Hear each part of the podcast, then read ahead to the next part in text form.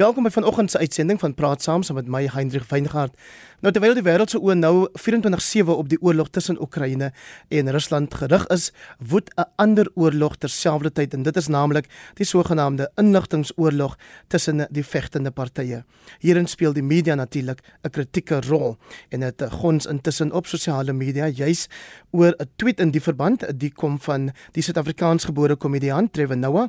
Hy is aanbieder van die Amerikaanse laat-aan satiriese nuusprogram program The Daily Show en hy het 'n video geplaas oor media dekking oor gebeure daar in Oekraïne. Hy het veral westerse media van rasisme beskuldig um, omdat van hulle sê dat dit nie 'n Arabiese of Afrika land is wat aangeval word nie en uh, daarom bestaan daar sekere meningsverskille oor hoe dit deur die media gehanteer word. Vanoggend hier op praat saam bespreek ons dan die rol en die verantwoordelikheid van die media gedurende 'n oorlog.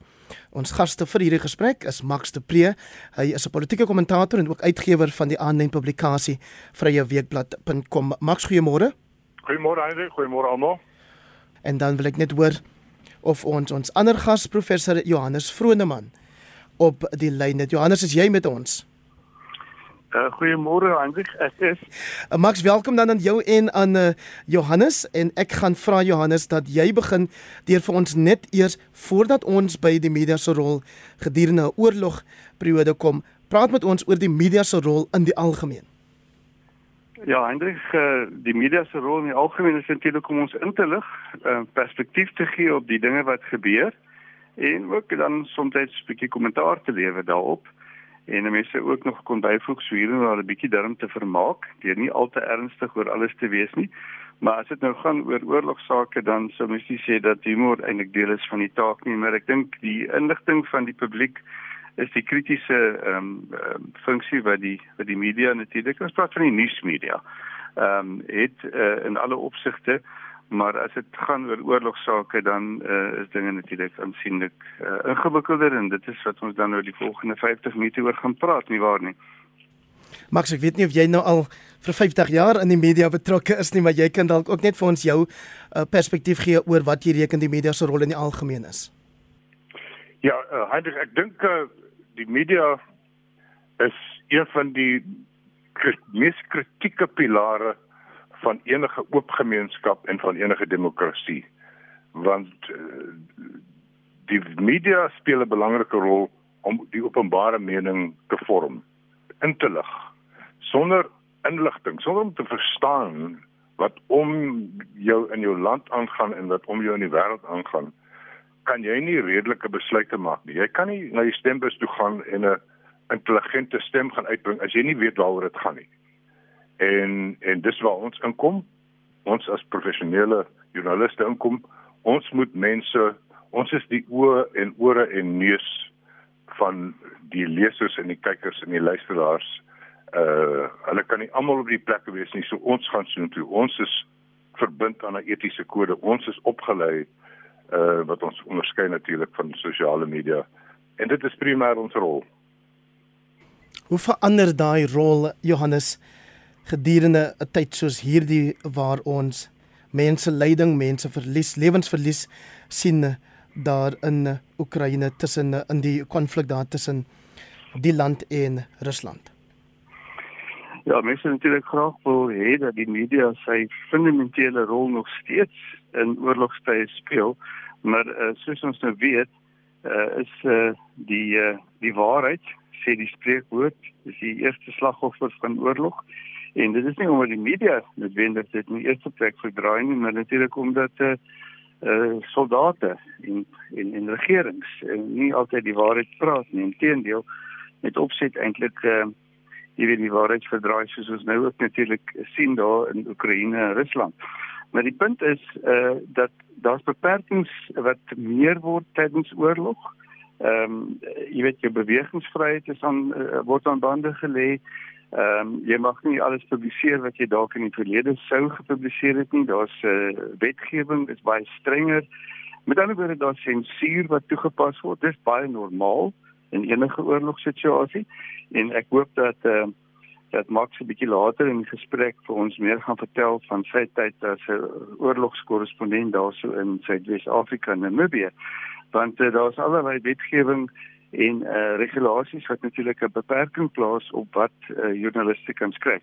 So dit is nie so seer asof die joernaliste uh iets anders probeer doen nie, maar dit hulle word uh, tipies in oorlogssituasies aan bande gelê in dit wat hulle doen.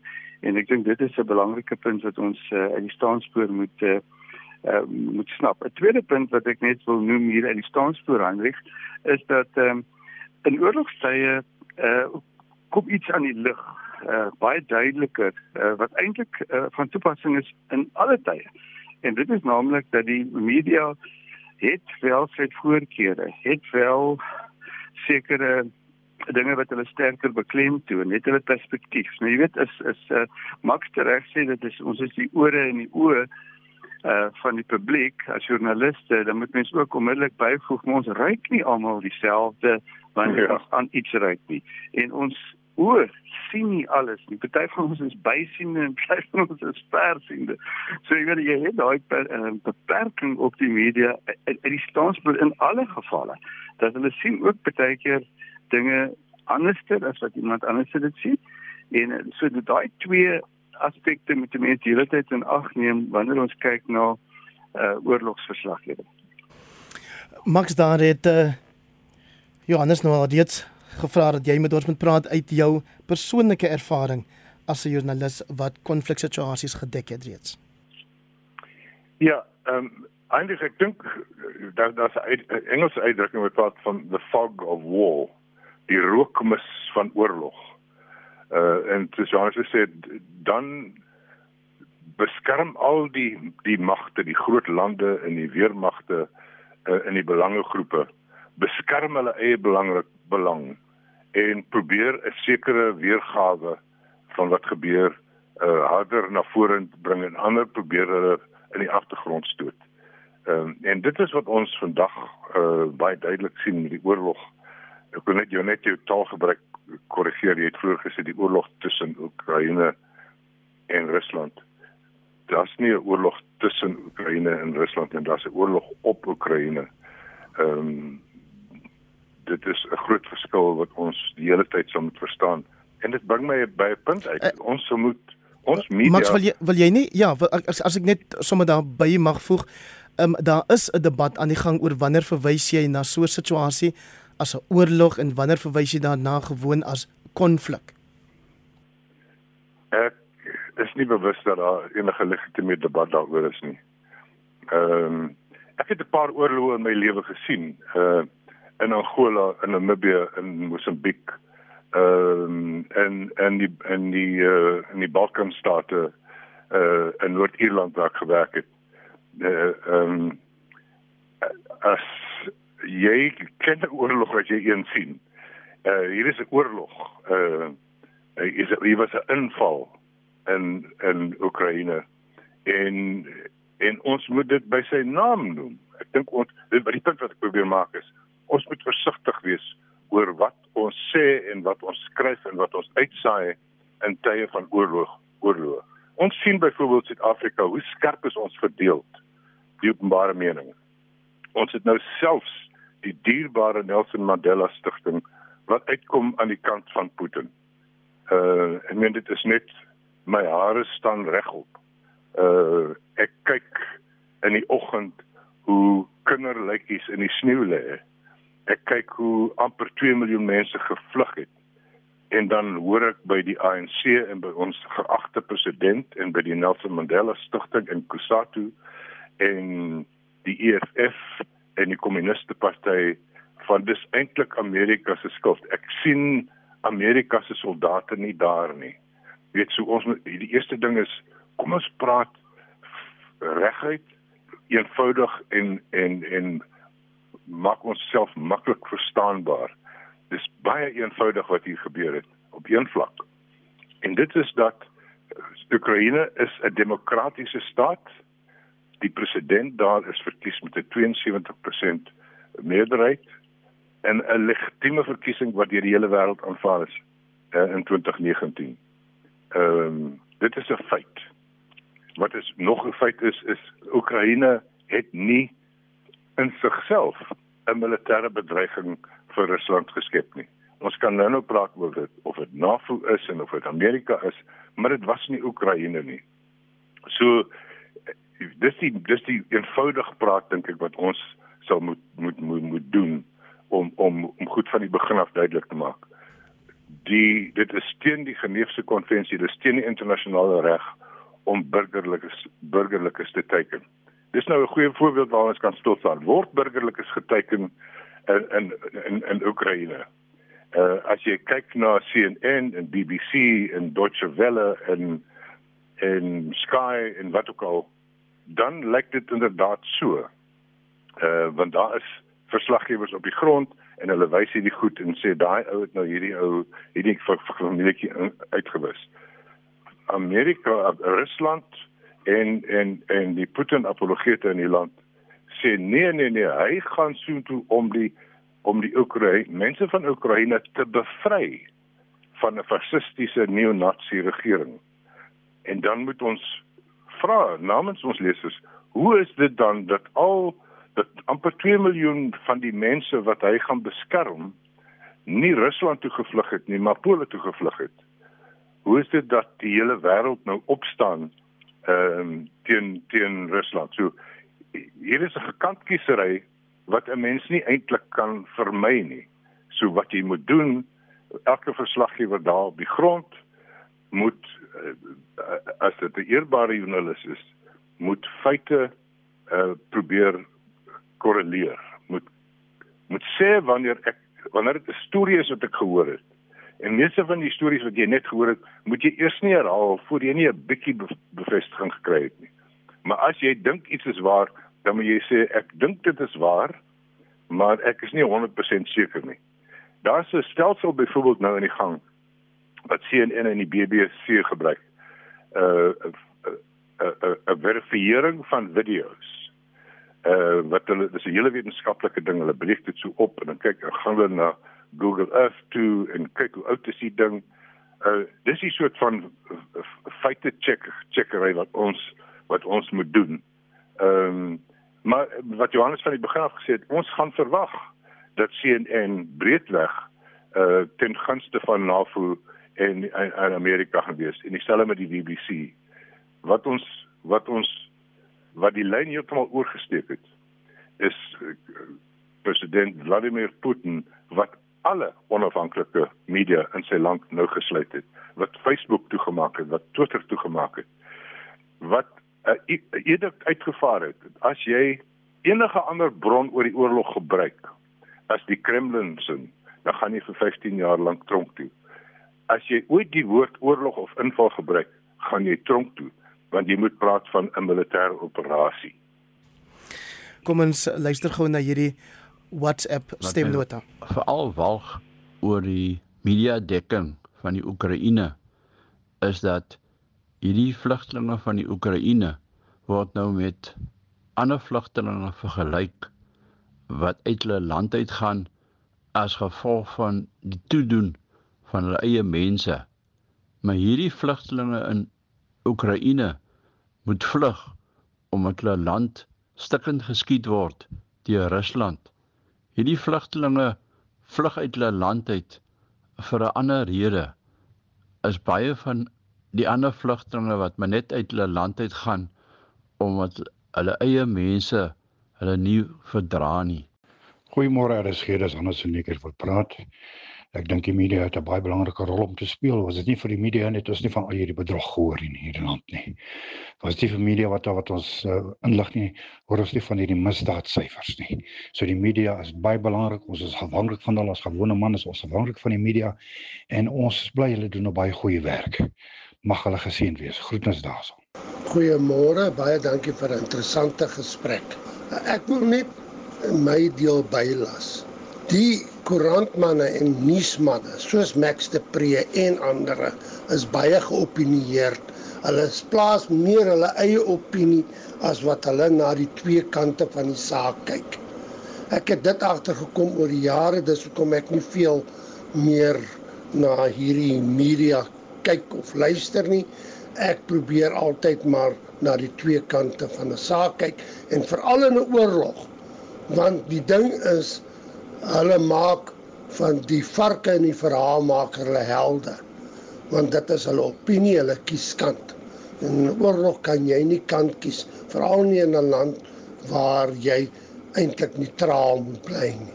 Baie baie dankie. En dan uh, hierdie twee SMS'e, Samuel Walters van Gouda wat skryf: Ek dink tydens 'n oorlog word propaganda oorlog ook gevoer tussen lande soos grys en swart propaganda. Die westerse media is eensydig vals en Bende Wet skryf: "Waar was die media toe Amerika Afgan Afghanistan binne geval het wie se brood 'n mens eet, dis se woord sal 'n mens spreek." Kom ons hoor wat jy daaroor te sê het uh Johannes. Ja, weet jy wat ons moet 'n paar dinge Mens kan net terug gaan en sê Amerika moes nie in Afghanistan ingegaan het nie en jy kan teruggaan na die Vietnamese oorlog en jy kan 'n hele string flaters uitwyg, die oorlog in Irak byvoorbeeld ook. Ehm um, en ek dink ons moet nie daarin verval nie.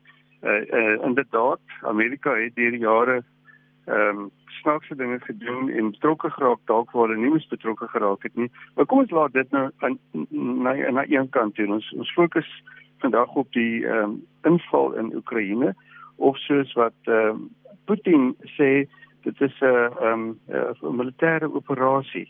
Ehm um, jy weet ek moet dan gebruik elke manier om sy uh brutale ehm um, aanval op Oekraïne uh, te verdoesel. Uh ek dink uh, dis belangrik om daarop te let uh Heinrich dat dat daar in alle oorloë uh is daar 'n geval van dat mense tog 'n meningsverskil het. En hele woord wat gebruik is deur een van die mense wat net gepraat het is neutraal. Ons moet neutraal bly. Neutraliteit is 'n baie groot probleem in enige oorlogssituasie. En ehm um, ek ek ek weet nie wie wil kies om neutraal te bly in hierdie huidige eh, konflik uh, in Oekraïne nie, wel ons president sê hy wil neutraal bly. Maar dit is baie moeilik om te sê hy is neutraal. Jy weet as ons teruggaan in ons eie geskiedenis in die Eerste en Tweede Wêreldoorlog, uh, was daar 'n uh, um, partye wat gesê het hulle wil neutraal bly. Dit was die uh, nasionale party destyds gewees in die Eerste en in die Tweede um, uh, Wêreldoorlog. Hulle was nie in die be aan bewind gewees nie, maar hulle wou hê dat Suid-Afrika moet neutraal bly en en hulle het hulle argumente gehad op die ouende is hulle uitgestem op daai punt en uh, het Suid-Afrika betrokke geraak. Dit is uiters moeilik om neutraal te bly as uh, jy sien hoe uh een land 'n ander land uh, op 'n brutale wyse binneval. Kies joernaliste dan kant? Wel, ja, ek dink hulle kies kant soos enigiemand anders, maar ek dink die uitdaging vir joernaliste is om nie hulle persoonlike opinie dan vooruit te stoot nie en te konsentreer op die feite, konsentreer op ehm um, die feite binne 'n konteks. Uh hulle kan natuurlik hulle kommentaar ook hê en hulle mag soos enige ander burger mag hulle kommentaar hê en hulle mag dit skryf en dit ook so aandui as kommentaar niks fout daarmee nie. So ek dink mense moet ook sit uh, weet dat journalistiek is is 'n subtiele ding.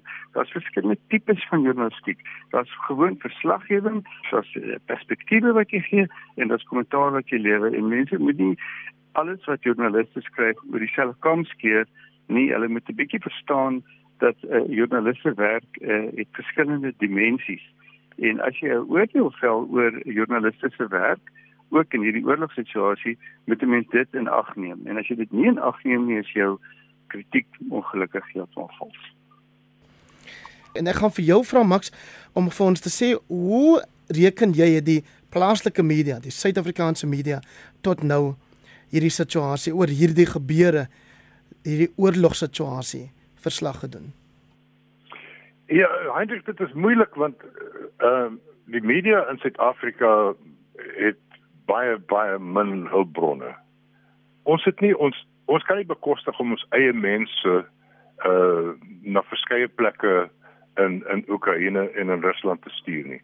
So ons is afhanklik van nuusdienste. Ehm um, Associated Press en Reuters en so aan. En dan steel ons ook maar op die op die groot televisiekanale wat wat baie mense op die grond het. En en dit is terloops een van die interessante goed is dis die eerste keer dat ons 'n volwaardige oorlog letterlik so op televisie sien afspeel. Uh nie net omdat daar so baie korrespondente is nie, maar omdat ons die die die verskynsel van sosiale media het. So 'n groot groep van die van die visuele elemente wat ons sien oor die oorlog kom van mense se selfone af. Ehm uh, wat aan die een kant uh, die inligting oopmaak, maar aan die ander kant natuurlik ook die deur oopmaak vir groter valshede. So ek sou sê ons ons ons sê so 'n bietjie in die agterspieën hier in die suide van Afrika. Uh ons verlaat ons op die mense wat ons ons bedien en en dan dink ek uh wat ons dan moet doen en ek dink ons doen dit redelik goed sover is om in die eerste plek en Johannes het nou daarna verwys en 'n luisteraar het net nog gebel en het my naam ook genoem uh met 'n baie relevante punt. En dit is dat wanneer is wanneer doen jy verslaggewing en ontleding en wanneer gee jy jou mening?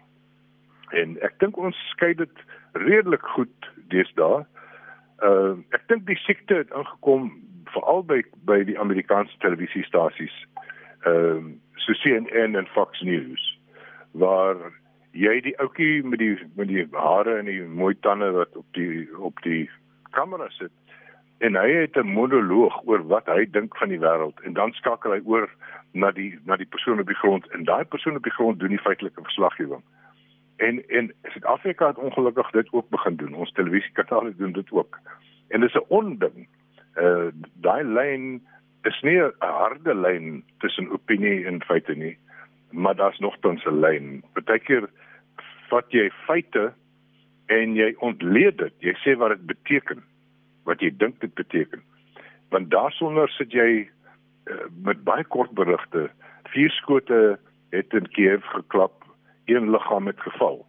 Ehm uh, wat is die konteks? Wat is die agtergrond? Wat beteken dit? Dit moet jy doen, maar jy moenie as 'n joernalis daar kant kies nie. Waar jy kant kies is wanneer jy jou mening uitspreek.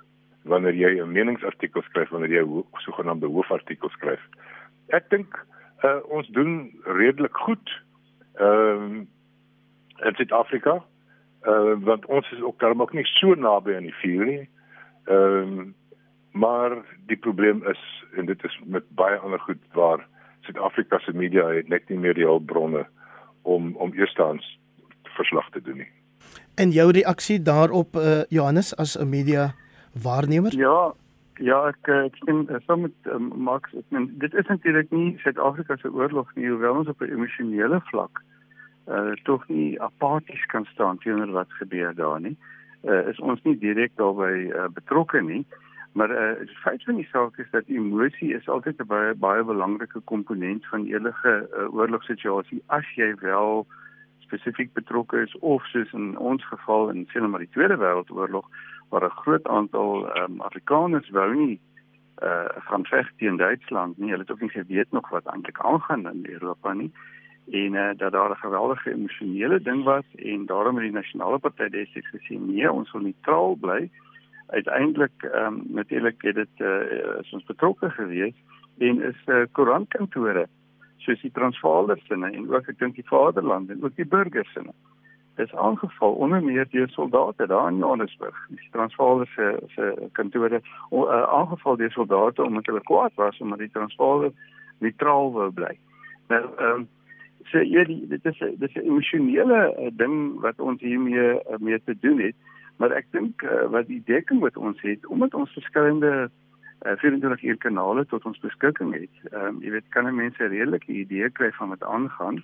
Ehm um, uh, ons het nou nie Fox in Suid-Afrika nie, maar ehm um, jy weet ons het verskeie ander kanale. Ek persoonlik vind nogals uh, dat eh, ehm uh, um, Al Jazeera vir my uh, baie ehm um, redelike gebalanseerde beeld gee en hoe sal ek nou weet omdat 'n mens probeer luister wat is die toon, wat is die aard van die beriggewing, uh, probeer hulle 'n punt vreeslik hard maak, uh, bevestig die beelde en hulle feite wat hulle sê en ek vind en hulle in daai opsig is hulle heeltemal ehm um, jy weet vir vir, vir my uh, aanvaarbaar. Maar hoe sal ek nou weet? Jy weet mense moet daarom ook vertroubare bronne hê. Die ek kyk op BBC ehm um, en hulle word gevoer deur hulle eie geslag natuurlik dan ook deur die ehm um, Associated Press en en Reuters en ander ehm um, nuusdienste.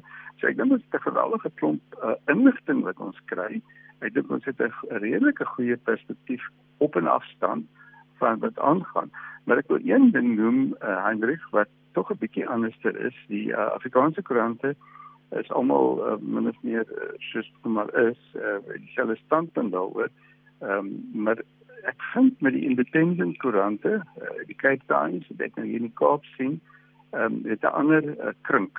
Hulle is meer geneig lyk dit vir my om die kant te kies van ehm um, nou ja, so ek sê neutraliteit en sekerlik nie vreeslik pro westers nie, want die independent groep eh uh, assosieer homself mynsins sins baie met, met die Jacob Zuma sou ek sê gedagte rigting en ek dink maak dit homself net nou net uh, weer spreek het gesê die uh, Nelson Mandela stigting wat daai verklaring uitgereik het ek dink ek verwys na die uh, Jacob Zuma stigting wat ek, ek praat van vanoggend se ek praat van vanoggend se verklaring van die Nelson Mandela Stichting.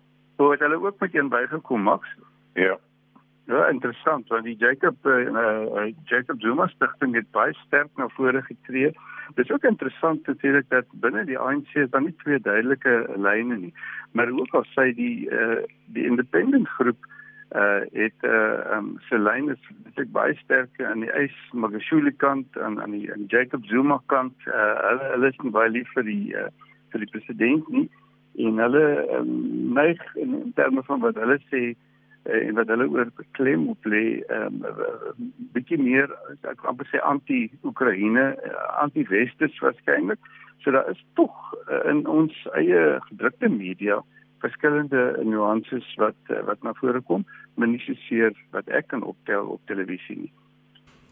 Maxies, uh, luisteraars wat meen ek met jou nie in die rede val ek met jou toelaat om te praat so lank as wat jy goed dink want jy praat sin sê hulle. Ehm um, so ek gaan jou nie hierdie keer vra om korter te praat nie. Ek gaan jou wel vra om met ons te praat oor na aanleiding van Johannes se verwysing na die toon en die aard van beriggewing. Jy het op Twitter jou teleurstelling uitgespreek met 'n uh, Suid-Afrikaans gebore joernalis wat vir Russia Today of die RT kanaal werk, uh, Paula Slee. Praat met ons oor wat jy gepla daar en uh, miskien dan net ook jou kommentaar oor die feit dat daai uh, nuuskanaal nou van die lug af uh, gehaal is. Ja. Ja, ek het vanoggend juist daaroor geskrywe. Ehm um, Paula Slee, ons ken vas sy's 'n Suid-Afrikaanse joernalis. Sy's baie knap Ehm um, ons het haar geken in Suid-Afrika en toe sy in die Midde-Ooste toe en daar het ons baie vanaand gehoor sy uh, is 'n stringer vir vir ons van ons radiostasies en ENCA en so aan. Sy werk uh vir vir Russiese televisie. En ek het net vir haar gevra uh, die RT is die absolute propaganda mondstuk van Vladimir Putin. Ehm um, hoe kry jy dit oor jou journalistieke gewete om langer daar te werk? Die geskiedenis gaan nie goed wees vir jou CV nie. Ehm um, en ek is nogal vreeslik daaroor ehm uh, uitgeskel. Gister het sy in die Sunday Times uh, geantwoord daarop. En sy sê solank sy nie self lieg nie, dan is sy alright. Maar nou lees jy mooi in die in, in die hele tand van haar ding, sy sê byvoorbeeld sy weier om die woord oorlog te gebruik of konflik te gebruik. Sy praat ook van Putin se militêre operasie en dit moet die die ligte rooi ligte laat afgaan. Nou ek het vanoggend vir haar gesê, kyk my dierbare suster, ek was al waar jy was. Uh, ek het in in in ek het vir die burger en beeld gewerk. Uh, ek het my loopbaan by die burger begin in die 70s en ek het toe in Namibië gaan sit toe die Verenigde Nasies aangekom het soos soos Johannes vroeër aangedui het.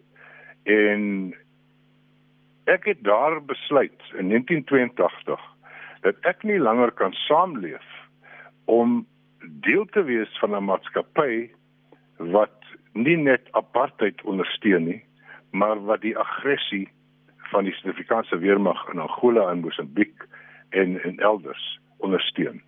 En ek het 'n belowende loopbaan daar opgesê om uh, om pad te gee en ek het dit so duidelik gemaak aan my werkgewers op die stadium. Ek het dit weer uh 7 jaar gelede gedoen. Ek het 'n baie lekker joppie gehad as 'n gesindikeerde uh rubriekskrywer vir die Independent groep.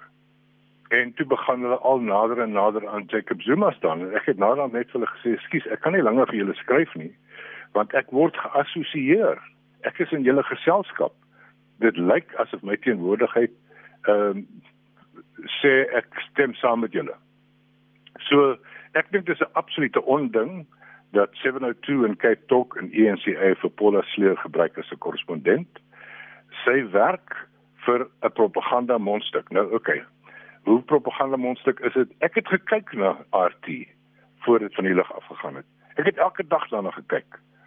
En nie net het hulle die slaafse Putin lyn gevolg nie, wat die mense nou nog aan die een kant kan kan aanvaar dat hulle 'n Russiese soort van 'n vooroordeel gaan hê, maar hulle aktief deelgeneem aan die disinformasie. Byvoorbeeld die verslaggewer staan op die grond en praat hy van die nuwe Nazi regering van Zelensky. Ehm um, en nou weet ons die hoof hoofrabbi van die Oekraïne waar daar 'n kwart miljoen Jode is in Oekraïne. Die hoofrabbi sê hy sien dit nie, hy weet nie daarvan nie.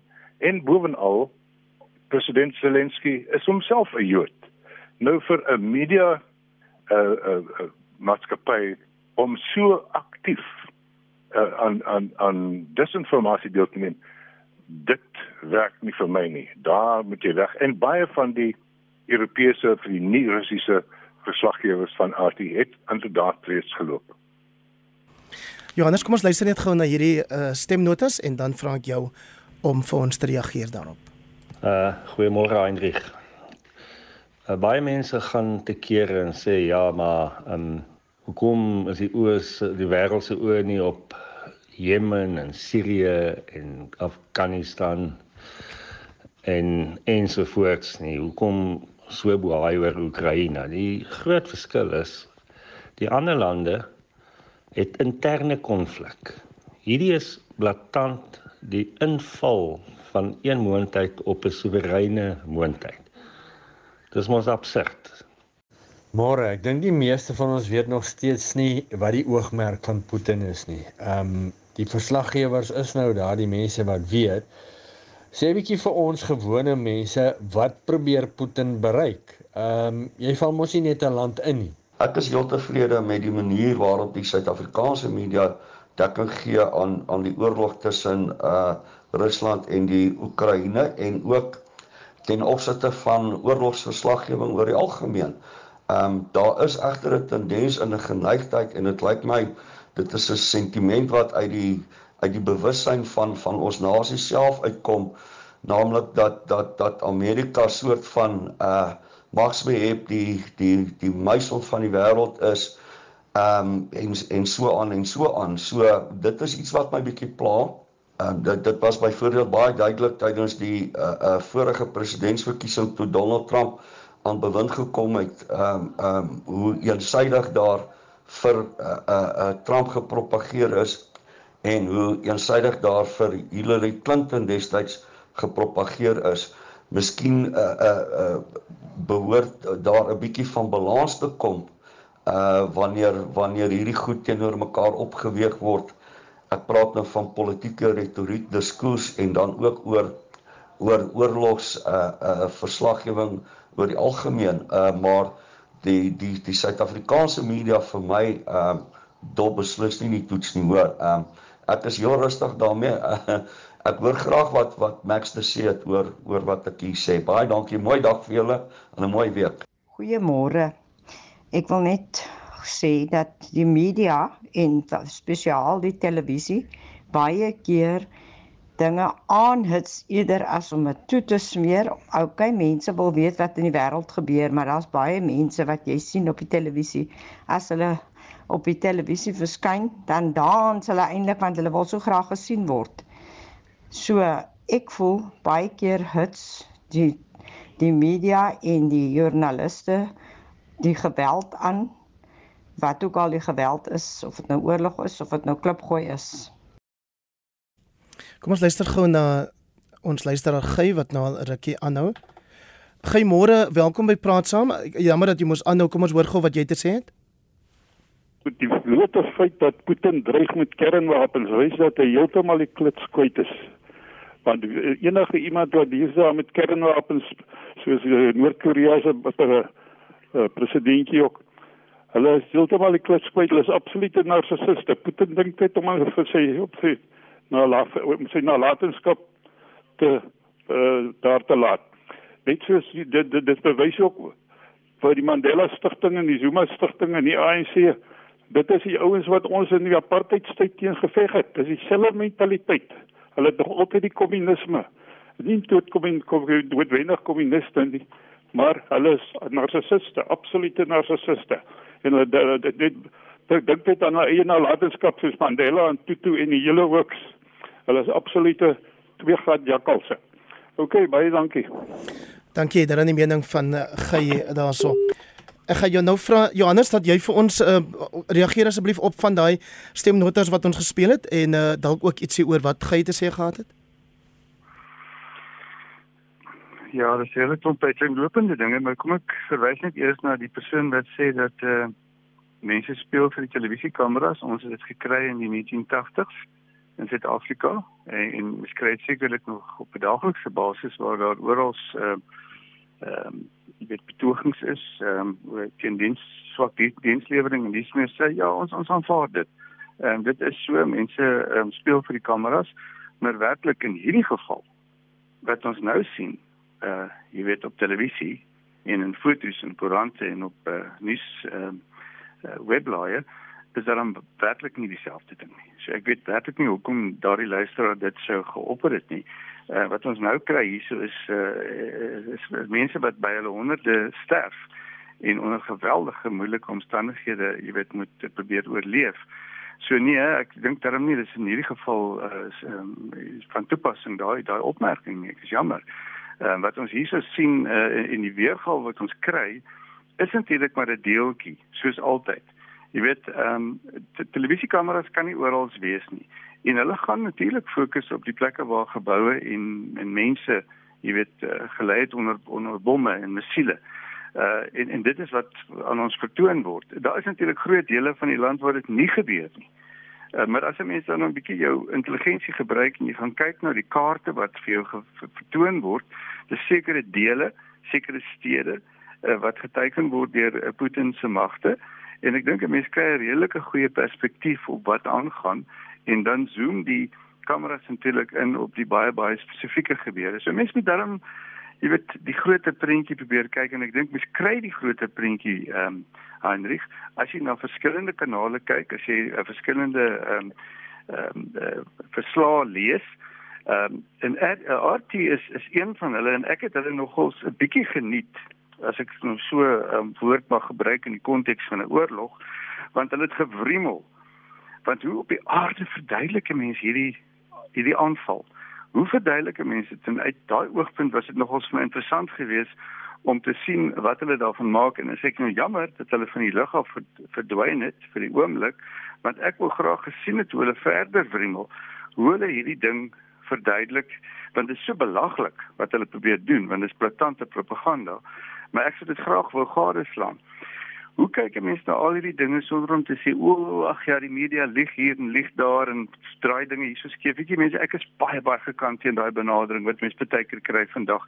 Jy kan goeie insig kry in wat gebeur as jy jou gesonde verstand gebruik, as jy verskillende media gebruik, as jy krities kyk daarna, as jy nie net vashak by een bepaalde ehm um, televisiestasie nie en veral nie vashak by een sosiale media bron nie want dit is wanneer jy ingesleep word in 'n put van leuns en bedrog en fopnuus.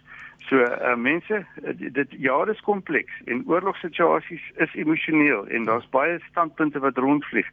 Maar ons kan uh verstaan wat aangaan as ons net 'n bietjie moeite doen.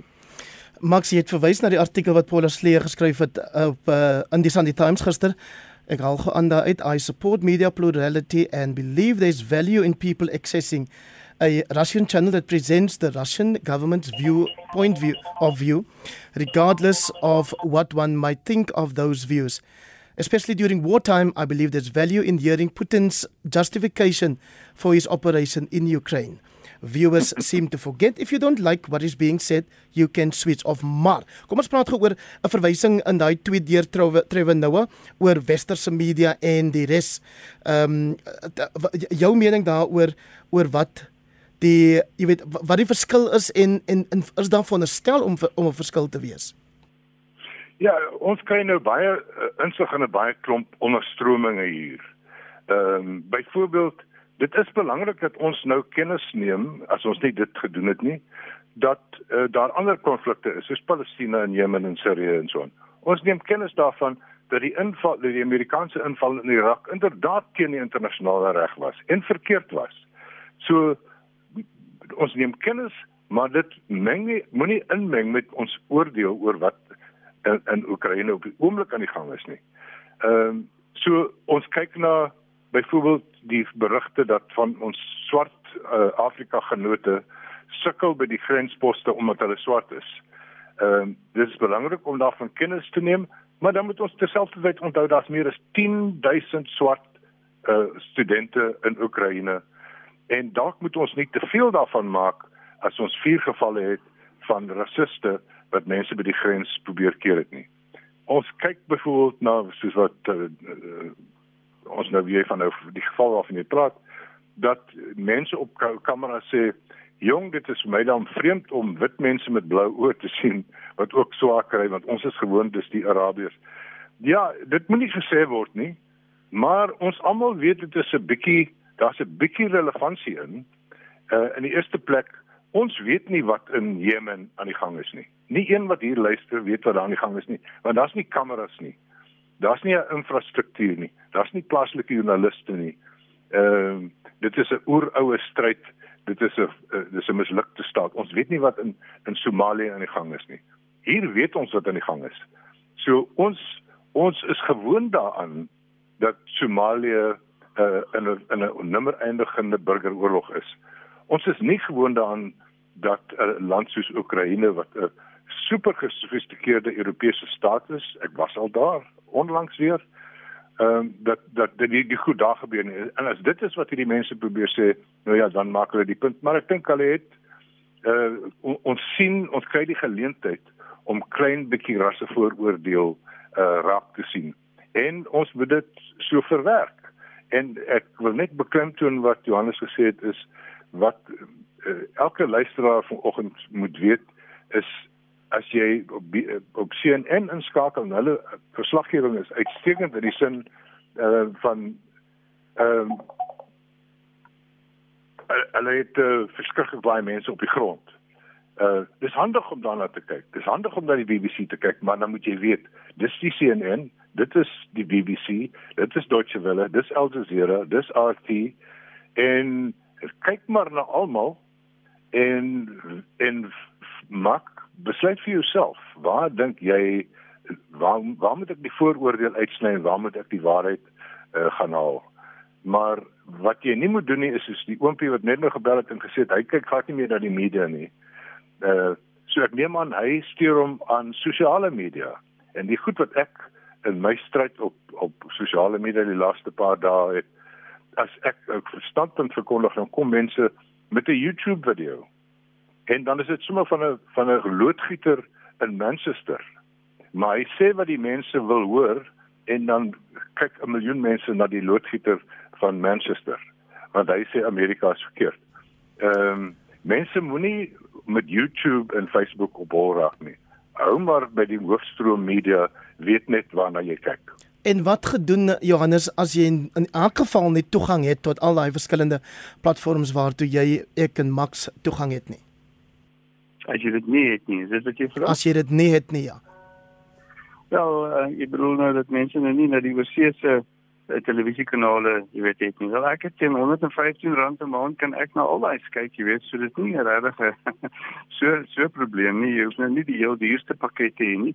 Maar ek dink die uh, die SAK en van die ander uh, kanale is uh, is uh, gee vir 'n redelike weergawe van wat aangaan. Uh, maar dit is natuurlik so as jy bloot aangewese is op sinema radio Ehm um, wel dan gaan jy seker 'n meer beperkte um, beeld kry van my aangaan. Ek moet eerlikwaar sê ek uh, ken nie weet nie wat uh, verkondig word op die SAK se kanale vir die ander inheemse tale nie. Uh so ek ek ek sal net gewoon nie weet nie, maar uh, dit is so dat dat daar's baie van ons mede-Suid-Afrikaners wat wat ook nie 'n televisiestel het nie want hulle het die krag nie en uh, wat miskien op minder dinge aangewese is. Dit dit is so, maar dit is natuurlik 'n enige uh, situasie so. So ons het maar almal 'n beperking op op wat ons kan sien. Ek sien byvoorbeeld nie CNN op die oomblik nie, maar ek kyk hulle sommer 'n bietjie op uh ehm um, op ehm um, uh op op op die, op die internet kyk ek 'n bietjie wat hulle sê Goed. en ek stem saam met Max dat jy weet CNN se gee baie baie dekking. Uh, CNN is beter in hulle